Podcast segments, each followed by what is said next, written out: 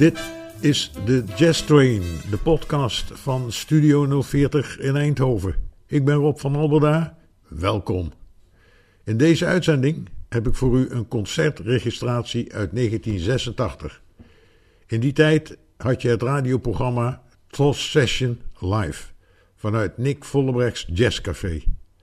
Op 28 maart had men een gelegenheidsformatie gecontracteerd, bestaande uit het Belgische gitaarfenomeen Philippe Katrien, mijn favoriete pianist Bert van den Brink, bassist Hein van der Geijn en drummer Hans van Oosterhout. Het werd een gedenkwaardig concert met een formidabele interactie tussen vooral Philippe Katrien en Bert van den Brink. En dat voor een gelegenheidsformatie. En dan blijkt weer eens wat de essentie van jazz is. Ik zou zeggen, ga er eens lekker voor zitten en geniet van dit concert. Ik neem alvast afscheid, dank voor het luisteren en tot de volgende keer.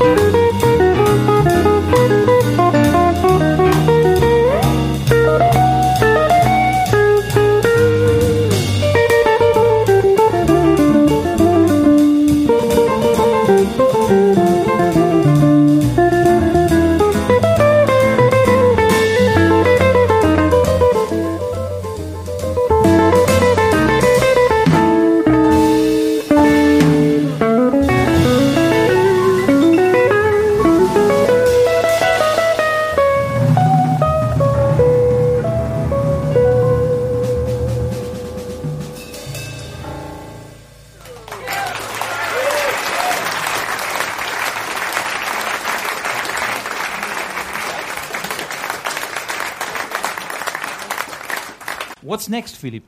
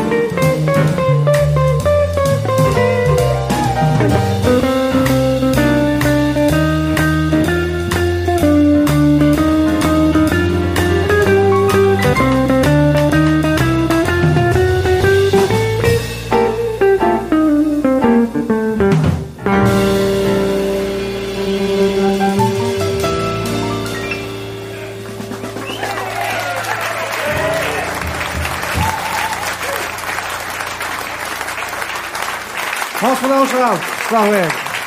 Hein van der Geen, bas. Bert van der Brink, keyboards.